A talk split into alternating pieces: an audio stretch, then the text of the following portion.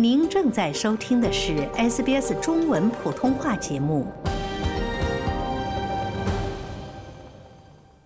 随着中国在太平洋地区的影响力增加，以及对全球新格局的广泛担忧，新西兰加强了加入澳英美三边安全协议 （AUKUS） 非核支柱的兴趣。AUKUS 三边协议旨在应对中国地区影响力的日益增长。协议重点是澳大利亚海军接收核动力潜艇。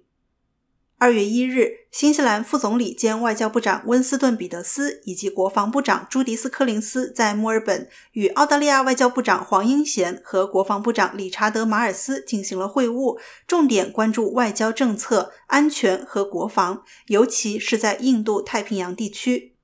在会晤后的联合新闻发布会上，国防部长马尔斯宣布，澳大利亚代表团将很快前往新西兰，向该国当局介绍 AUKUS 协议的第二支柱。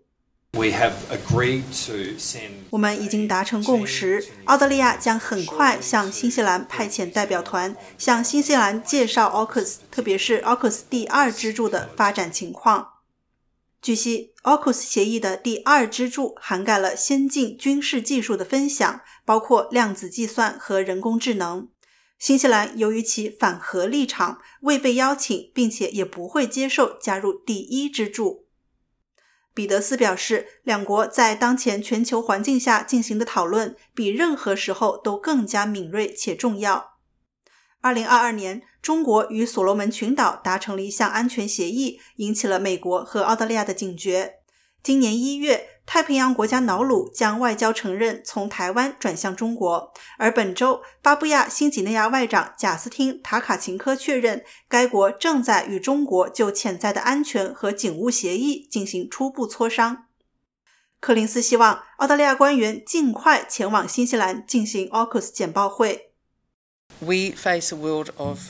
我们面临着一个战略竞争和挑战日益加剧的世界。作为民主国家，我们所依赖的以规则为基础的秩序正日益受到威胁。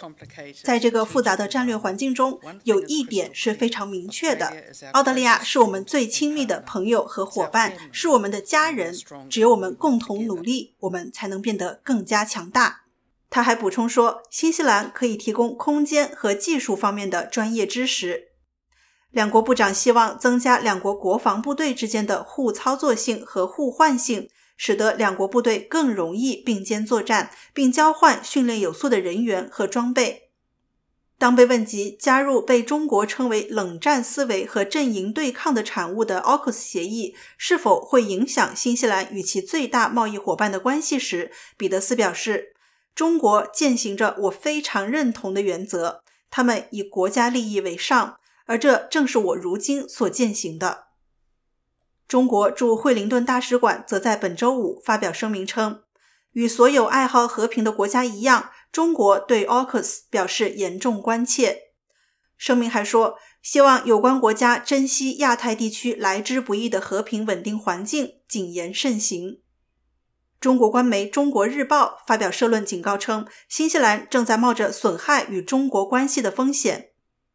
新西兰历来对中国采取着比澳大利亚或其他五眼联盟成员国更为和解的态度，但近年来，新西兰对人权、国际秩序和太平洋地区军事化等问题的表态与之前相比更加坚定。彼得斯表示，太平洋地区的外部利益正在增加，因为传统利益国家忽视了该地区。他说：“真空一旦形成，就会被填补。”澳大利亚外长黄英贤强调了澳大利亚和新西兰的关系在世界重塑之际的重要性，强调两国在该地区内确保和平、稳定和繁荣方面的作用。Our region is being reshaped. I think, you know, we we we often speak about having come to the government at